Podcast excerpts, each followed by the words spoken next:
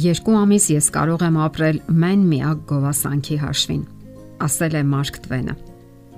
Ոչ մի բնագավառում այնքան կարևոր չեն երախտագիտությունն ու գնահատանքը, որքան ամուսնական հարաբերություններում։ Ոչինչ չի կարող փոխարինել սրան։ Թաջ Մահալ նշանավոր դամբարանի հեղինակ Ջահանշահը այսպես էր արտահայտվում իր սիրելի կնոջ Մումթազի մասին։ Դու ինձ համար ուժի եւ ոգեշնչման աղբյուր ես։ Ես գնահատում եմ քո սերը Եվ իսկապես շնորհակալ եմ քեզանից իմ կյանքում ունեցած քո մեծ ներդրման ու սատարման համար։ Սրանք հրաշալի խոսքեր են։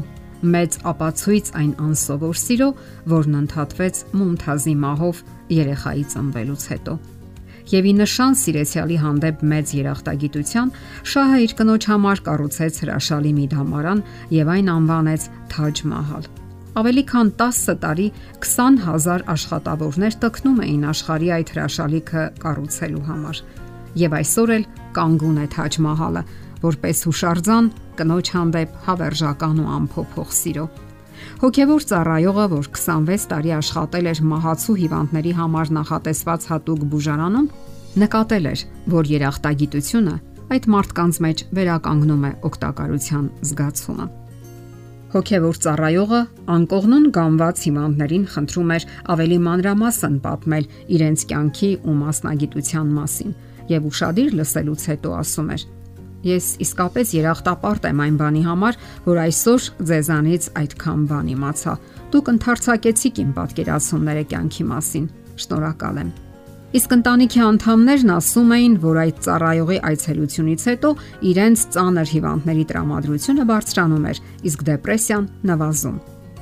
Նմանատիպ արդյունքներ են տվել նաև Լոնդոնի Սուրբ Քրիստոֆեր հոսպիսում անցկացված հետազոտությունները։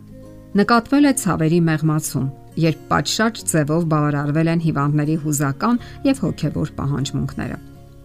Հոգևոր ծառայողը պարզապես ուրشادիր լսել է նրանց եւ իր երախտագիտությունը հայտնել։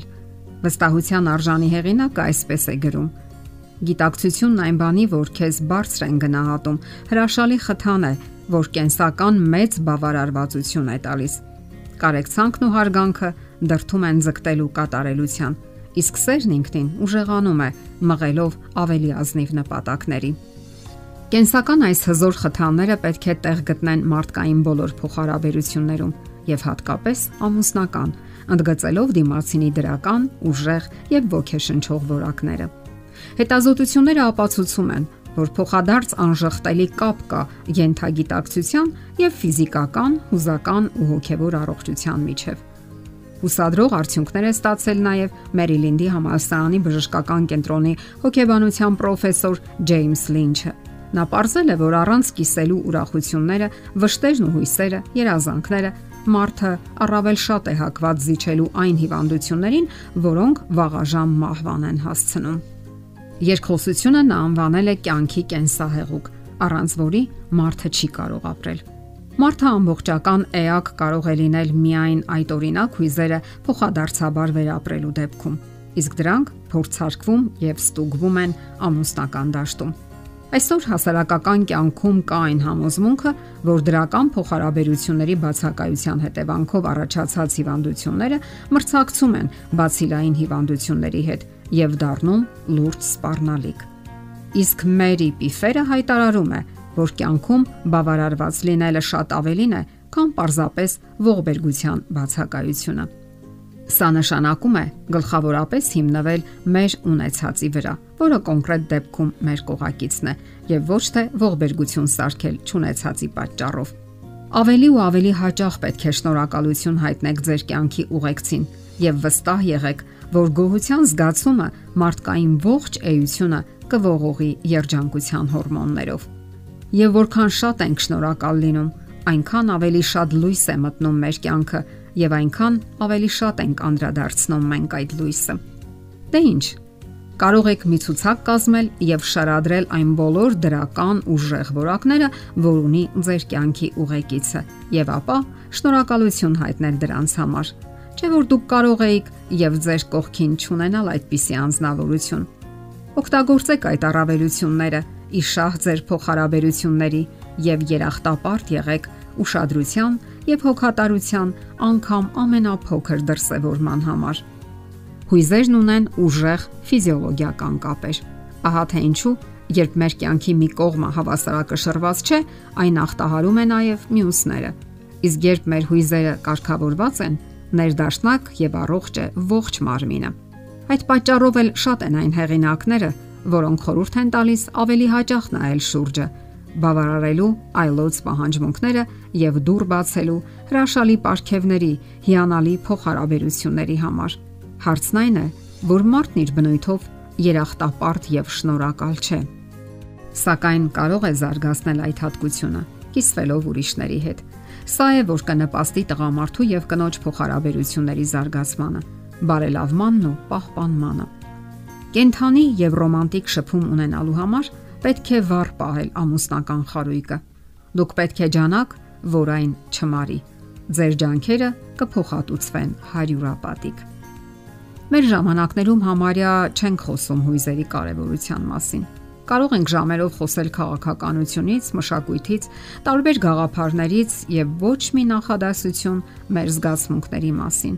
Եվ արդյունքում հուզական լուրջ քաղց ենք զգում վարյացակամության պակաս եւ խեղվում ենք հոգեբանական առումով։ Կարճ ասած, մենք անտեսում ենք բարի արարքների ազդեցությունը եւ մահանում հուզականորեն։ Այսպիսով, բարյացակամությունը, սիրալիրությունը նպաստում են հուզական եւ ֆիզիկական առողջությանը։ Պարգևում հիանալի տրամադրություն, ուրախություն, կենսուրախություն ու լավատեսություն Նկատվել է, որ շրջապատի հանդեպ բարյացակամ վերաբերմունք ունեցող մարդիկ հազվադեպ են բժշկի դիմում։